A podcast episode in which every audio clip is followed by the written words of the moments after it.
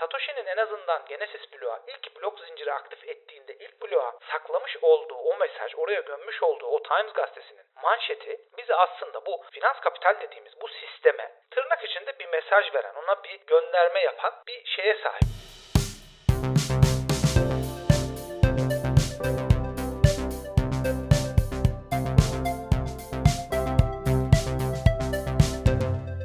Merhaba, Süper Panoptikon'un bu yeni bölümüne hoş geldiniz. Bu bölümde blok zincir nedir, merkeziyetsizlik nasıl bir kavramdır ve neyi ifade eder, merkeziyetsizlikle blok zincirin alakası nedir, Bitcoin kavramının bu kavramlarla ilişkisi nedir ve arka tarafta nasıl bir felsefi, yazılımsal, teknolojik bağlantısı vardır? Bu konular üzerine konuşacağız. İsterseniz hızlıca blok zincirin ne olduğu ile ilgili başlayalım. Genelde kavramsal olarak blok zincir aslında Bitcoin ve beraberinde tabii ki Bitcoin'in değer kazanması ve kitlelere ulaşması ile birlikte daha çok öne çıkmış olsa da çok çok eski. Yani yazılımsal olarak mimari kökenine baktığınızda çok çok daha geçmişe dayanan bir yapısı var aslında. Yani 2000'lerde bulunmuş bir teknolojiden falan bahsetmiyoruz. Aynı şekilde Bitcoin'e benzer kişiler arası, eşler arası takas edilebilen farklı tırnak içinde paraların, coinlerin ya da işte finansal asetlerin yani finansal varlıkların da denemeleri çok çok daha önce yapılıyor. E peki ne oluyor da Bitcoin biraz daha kıymetli hale geliyor? Bir doğru bir zamanda, iki çok çok doğru bir şekilde belki de doğru bir felsefeyle ortaya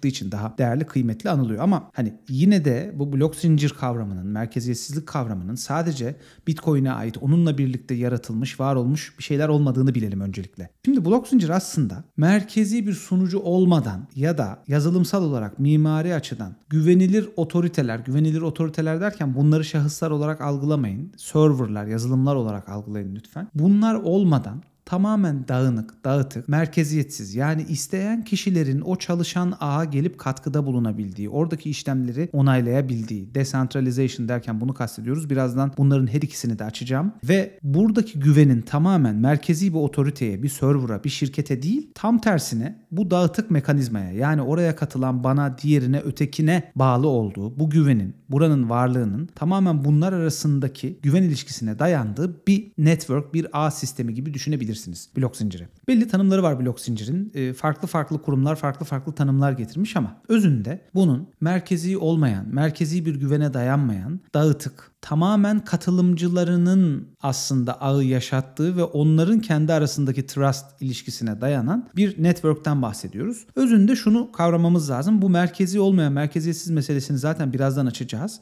Aslında dağınık bir veri tabanının olduğu yani her katılımcının oradaki hem bütün kayıtları kendi kayıt defterinde tuttuğu, her çalışan cihazın her birinde bu kayıtların olduğu büyük bir kayıt sistemi, büyük bir kayıt defteri, bir yazılım ağı bir network gibi düşünebiliriz. Burada önemli olan tırnak içinde merkeziyetsiz ve tırnak içinde blok zincirden bahsediyorsak bu tartışmaya da değineceğim. Katılımcıların yani ben diyelim ki X blok zinciri çalıştırmak istiyorum ve onun katılımcısı olmak istiyorum. Katılımcı olarak bu blok zinciri çalıştırmaya başladığım an o verilerin benimle paylaşılmasına ve benim de o verileri hakeza kendi storage'ımda yani kendi e, lokalimde bunu yazılım dilinde olmadan nasıl söyleyebilirim bilmiyorum ama kaydetmeme olanak sağlayan ve yeri geldiğinde başka katılımcılara da göndermeme olanak sağlayan bir yazılım türü. Çok bir şey ifade etmediğinin farkındayım. E, ya ne, ne hiç somutlaşmadı kafamızda. Ne demek ki bu yazılım falan filan. Önce nasıl çalıştığını anlatayım. Blok ne, zincir ne, merkeziyetsizlik ne, neden böyle bir şeye ihtiyaç var? Bu bölüm bittiğinde söz veriyorum e, gayet anlaşılır e, hale gelmiş olacak. Anlamadığını iddia edenler olursa lütfen e, süperpanoptikon.gmail.com'a mail atsınlar.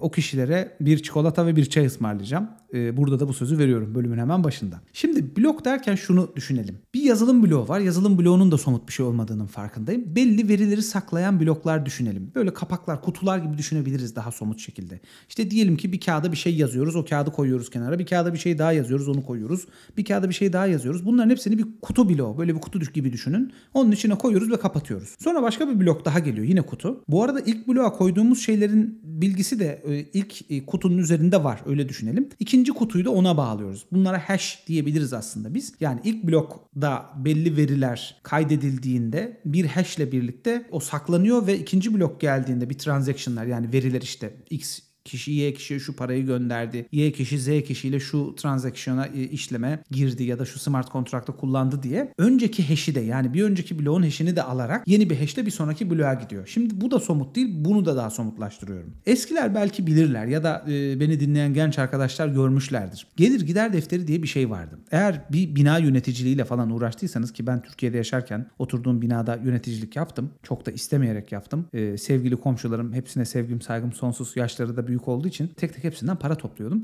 Ve onlar da kara düzen defter tutuyorlardı. Excel megzel tutmuyorlardı. Şimdi bu defterin sol tarafında gelirler yazıyor. Sağ tarafında da giderler yazıyor. O defteri varsa hatırlarsanız makbuzlar yazılır. Daire yazılır. Mesela işte bir nolu daire. Ahmet amca 100 lira verdi. İki nolu daire. İşte Sevinç teyze 100 lira verdi. Üç nolu daire. Talha amca 100 lira verdi diye ve siz orada sola gelirleri yazarsınız. Sağ tarafa da giderleri yazarsınız ve işte sonuç olarak bir toplam olur Ocak ayı için, Şubat ayı için. Gelir gider defteri görmüşsünüzdür eminim. Sol tarafta ve sağ tarafta böyle bir defterin oldu. Aslında blok zincir dediğiniz şey bu defterin az önce size anlattığım bloklarla çalışan ve arka arkaya hash algoritmalarıyla sürekli birbirine zincirlendiği bir büyük kayıt defteri. Ledger deniyor zaten buna.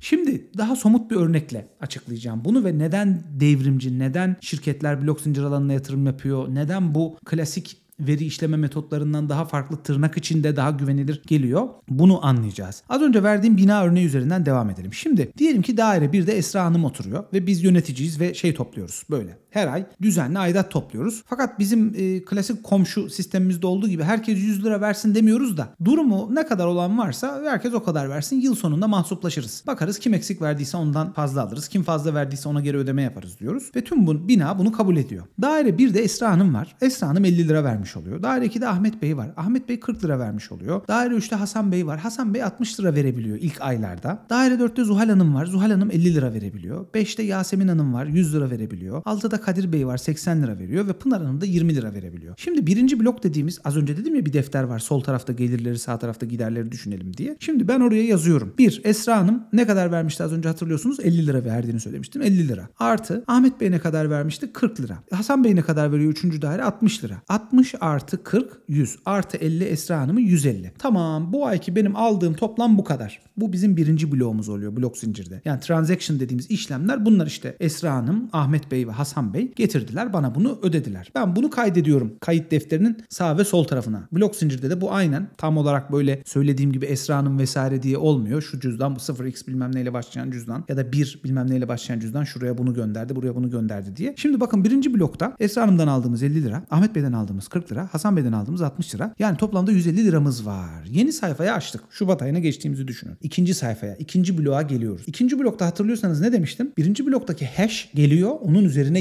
yenileri ekleniyor. Yani bu şu demek. Ben ikinci sayfaya geçtiğimde, ikinci bloğa geçtiğimde önce birinci bloktan elimde olan 150'yi oraya yazıyorum. Çünkü neden? Esra Hanım'dan, Ahmet Bey'den ve Hasan Bey'den 50 artı 40 artı 60 lira almıştım. Toplamda 150 lira. Oraya 150'yi alıyorum. Bu ay bana kim ne ücret ödeyecek dediğimde Zuhal Hanım geliyor 50 lira veriyor. Onu ekliyorum. 150 artı Zuhal 50 diyorum. Yasemin Hanım ben 100 lira verebilirim diyor. Yasemin Hanım'a Yasemin Hanım artı 100 lira diyorum. Ve bu ayda bu kadar para toplayabiliyorum. O defterde kapanıyor. Yani ikinci blok da kapanıyor. Ne oldu? Benim 150 lira ilk aydan yani ilk bloktan vardı. Üzerine 50 lira Zuhal Hanım'dan, Yasemin Hanım'dan da 100 lira alınca 150 toplamda 300 lira etti. Bir sonraki aya geçiyorum ki bu üçüncü blok oluyor. Otomatik 300 liram var artık. Biliyorum defterimde kayıtlı bu zaten. 300 lirayı yazıyorum. Artı Kadir Bey diyor ki ben 80 lira verebilirim. Tamam. Pınar Hanım diyor ki ben 20 lira verebilirim. Tamam. Bu ayda ancak bu kadar toplayabiliyorum. E zaten 300 vardı. 80 artı 20 ile birlikte 400 etti. O sayfayı da kapatıyorum. Tamamen dördüncü aya geçiyorum ve işte dördüncü blok gelmiş oluyor. Ve bu böyle devam ediyor. Yani 400 liram var artık dördüncü blokta. Dördüncü sayfada gelir gider defterini hayal edin lütfen. Bunu hep yazarken defterde kayıtlı değil mi? Geriye doğru çevirdiğimde kim ne kadar vermiş diye. Şimdi blok zincir dediğiniz şey aynen böyle çalışan bir yazılım. Arka tarafta veri tabanı aslında. İyi de bunun önemi ne, özelliği ne? Şimdi siz bir veriyi bir tane serverda tutuyorsanız. Ben mesela diyelim ki bir yazılım yazdım ve bunu kendi bilgisayarımda tutuyorum. Kendi serverımda. Buranın güvenliğini ne kadar iyi yaparsam yapayım, ne kadar korunaklı olursa olsun. Düşünün bankaları Türkiye'de örneğin milyonlarca dolar bütçeleri olan sadece güvenliğe, veri tabanlarına milyonlarca dolar para ayırmış bankalar bile değil mi? Fail ediyor. Ne oldu işte geçenlerde Türkiye'de büyük bir bankanın harcamaları iki sefer göründü. Ya da işte insanların gelirleri iki sefer göründü. İnsanlar girdi hesaplarını bile bulamadı. Bu tarz şeyler olabiliyor. Eğer siz bir işlemi yaparken bir yazılımsal anlamda siz merkezi bir nokta kullanıyorsanız veri tabanına veriyi kaydetmek için, transaction'ları, işlemleri kaydetmek için buna yazılımda zaten tek hata noktası deniyor. Single point of failure yani orada bir noktada bunu biriktirirseniz o tek nokta bir şekilde ele geçirildiğinde saldırıya uğradığında çok çok büyük bir şekilde siz de e, hani hesabınızı kaybedebilirsiniz ya da işte bir işletmeyle uğraşıyorsanız çok çok ciddi kayıplara sebep olabilir bu. Şimdi blok zincirde bunu engelleyen bir. Bir defa bu kayıtlar burada merkeziyetsiz bir şekilde bu ağı çalıştıran bütün bilgisayarlarda saklanıyor. Yani az önce verdiğim örnekteki gibi bir kişinin evinde, bir kişinin serverında ya da bir şirketin serverında değil. Diyelim ki 100 tane bilgisayarda bu çalışıyorsa her biri 100 tane de saklı. Dolayısıyla biri saldırıya uğradığında diğer 99 tanesinde doğru kayıtlar duruyor. İkincisi blok zincirde kimse gelip ya bir dakika ben ilk ay 60 lira değil 80 lira ödemiştim diyemiyor. Şimdi örneğe geri dönelim. Diyelim ki Hasan Bey hatırlıyorsanız 60 lira vermişti ilk blokta, ilk sayfada. Esra Hanım 50 lira, Ahmet Bey 40 lira, Hasan Bey de 60 lira vermişti ve toplamda bizim 150 liramız vardı. Bloğa nasıl başlamıştık? 150 demiştik. Artı 150 daha ödemişlerdi. Üçüncü bloğa 300 ile başlamıştık. 100 daha ödemişlerdi ve 400 olmuştu ve böyle devam ediyor. Şimdi eğer Hasan Bey gelip ben 60 lira değil ben 80 lira ödedim derse ben gittiğimde ilk bloğa derim ki bir dakika burada 60 yazıyor. Varsayalım ki sen 80 ödedin. Burayı değiştireyim ben dediğim an Hasan Bey'i 80 yaptığım an birinci bloğun toplamı 150 değil 170 oluyor. Fakat bu bu sefer ikinci blokla uymuyor. Niye? Biz zaten o kaydı ikinci blokta da saklamıştık. Dolayısıyla ikinci bloğun içerisindeki 150 lira 180 ile uyuşmadığı için Hasan Bey aslında bir dakika ben bunu fazla ödemiştim diyemiyor. Dolayısıyla blok zincirde bütün veriler şu an son blokta dahil olmak üzere ilk bloktan bu yana hepsi saklıdır. Az önce söylediğim örnekteki gibi hani nasıl ben birinci ayın, ikinci ayın, üçüncü ayın verilerini topladığım paraları 150 lirayı önce yazıyordum üzerine ekliyordum ya. Aynı şey blok zincirin tırnak içinde database'inde de geçerli. Yani ilk bloktan şu anki son bloğa kadar bu kadar süre içerisinde ne kadar transaction işlem gerçekleştiyse X kişi Y kişi şu parayı gönderdi işte şu kadar fon aktarıldı şu smart kontrakla e, hani işleme girildi ya da işte e, aslında interaction diyoruz ona interaksiyona girildi. Bunların hepsini saklayan bir burada aslında şeyden bahsediyoruz. Bir teknolojiden bahsediyoruz. Dolayısıyla blokların her birinin bir önceki bloğun hash ile birlikte verilerini de tuttuğunu unutmamak gerekiyor. İkincisi zincir derken buradaki zincirin de anlamı bu bloklar hepsi birbirine bağlı. Çünkü şöyle düşünün az önce verdiğim örnekte ben 3. ayın verilerini eğer buradan yok edersem uçur uçar giderse o 3. ayın verileri e benim o aradaki bütün e, sistemim çökmüş olacak. Niye? Ben ilk ay 150 lira toplamıştım. Sonra Zuhal Hanım ve Yasemin Hanım'dan da 50 artı 100 150 daha toplamıştım. Elimde bir 300 bilgisi vardı. O 300'ün üzerine Kadir Bey 80 Pınar Hanım 20 vermişti ve işte bununla 400 oluyordu. Şimdi benim bu üçüncü bloğum uçarsa elimde şu kalıyor. Bir 300 var bir anda 400'e geçiyorum da aradaki 100'ü kim vermişti? Dolayısıyla orada fail oluyorum. Bundan dolayı ki blok zincirlerde bu hashlerin ve e, verilerin saklandığı bloklar bir zincirle birbirine bağlı. Oradaki zincirin chain'in anlamı o aslında. Yani ayrılamıyor, ayrılmıyor. İlk bloktan son bloğa kadar hepsi birbirine bir zincirle bağlı. Dolayısıyla ayrışamıyor. Blok ve zincirin arkasında yatan e, şey bu. Biraz daha anlaşılabilir olduğunu düşünüyorum bu örneklerden sonra. Ve bunların hepsi şeffaf. Eğer bir public blok zincirden bahsediyorsak, kamusal blok zincirden onlardan da biraz daha bahsedeceğim e, birazdan. Şimdi e, biraz da bu blok zinciri önemli kılan ve bu kadar bilinmesini sağlayan bu Bitcoin'den bahsetmemiz lazım. Bir kişi olduğunu varsaydığımız kimileri buna bir grup bir grup insan da diyor. İşte böyle komplo teorilerine inananlar bunu CIA çıkardı, NSA'in ürünü falan filan diyenler de var. Fakat e, bunu Satoshi Nakamoto müstehar isimli eskiler müstehar derdi. Yaşı demeyeyim de yine tevellüt derdi yine eskiler. Tevellütü daha böyle eski olanlar ne demek istediğimi anlar müsteharla. Yani takma isimli diyelim. Satoshi Nakamoto takma isimli bir beyefendi ya da hanımefendinin yaptığını varsaydığımız bir aslında sistem. Bitcoin ve onun altındaki blok zincir. Bir white paper var. Bu konuya ilgi duyuyorsanız teknolojiye ya bir dakika ilginç geldi sizden dinledikten sonra falan diyorsanız bu white paper'ı çok da iyi Türkçeleştirdiler. Google'a yazdığınızda göreceksiniz zaten. Var. E, çok da uzun değil zaten hani yani 20 sayfayı bile aşmıyor. Hızlıca okuyabilirsiniz. Eşler arası yani peer to peer yani bir kişinin diğer kişiyle birinin diğeriyle aslında bir şeyleri takas edebildiği elektronik bir ödeme sistemi olarak tasarlıyor bunu Satoshi Nakamoto. Ve burada belki bugün geldiği noktayı blok zincirlerin, yeni coinlerin ve onların blok zincirlerinin bugün geldiği geleceği noktayı hayal ediyor muydu emin değiliz ama en azından bize bunları yaratacak olan vizyonu verdi burada. Bunu da yaparken arkasında aslında iki tane şey var. Bir felsefi olarak bir de e, teknolojik düzlemde. Şimdi biraz daha bu podcast'i dinledikten sonra şeyleri araştıracağınızı varsayıyorum. Bir dakika ya merkezi serverlar ne demek? Merkeziyetsiz server, merkeziyetsiz veri tabanı ne demek? Hatta bir de dağıtık var. Distributed diyoruz ona. Dağıtık veri tabanı ne demek ki aslında dağıtıkta da yani distribute edilmiş sistemlerde de tek hata noktası yoktur. Fakat e, her dağıtık sistem yani mimari desantralize yani blok zincirdeki anlamdaki merkeziyetsizliği ifade etmez. Yoksa dağıtık sistemlerde de tek bir tek hata noktası olmadığı için merkezi değildir. Onlar da fakat ikisi biraz daha farklı şeylerdir. Aa, burada peki bu dağıtık dediğin şey, merkeziyetsizlik dediğin şey ne? Biraz da bunları anlaşılabilir kılsan e, dediğinizi duyar gibiyim. Şöyle bunun önemi şuradan çıkıyor. Bitcoin'in hani dedim ya ilk bloktan son bloğa kadar hepsi kayıtlı aslında şu an diye. Bitcoin'in ilk bloğunda Genesis blok deniyor buna. Bir tane mesaj gizli. Oradaki mesajda da şey diyor.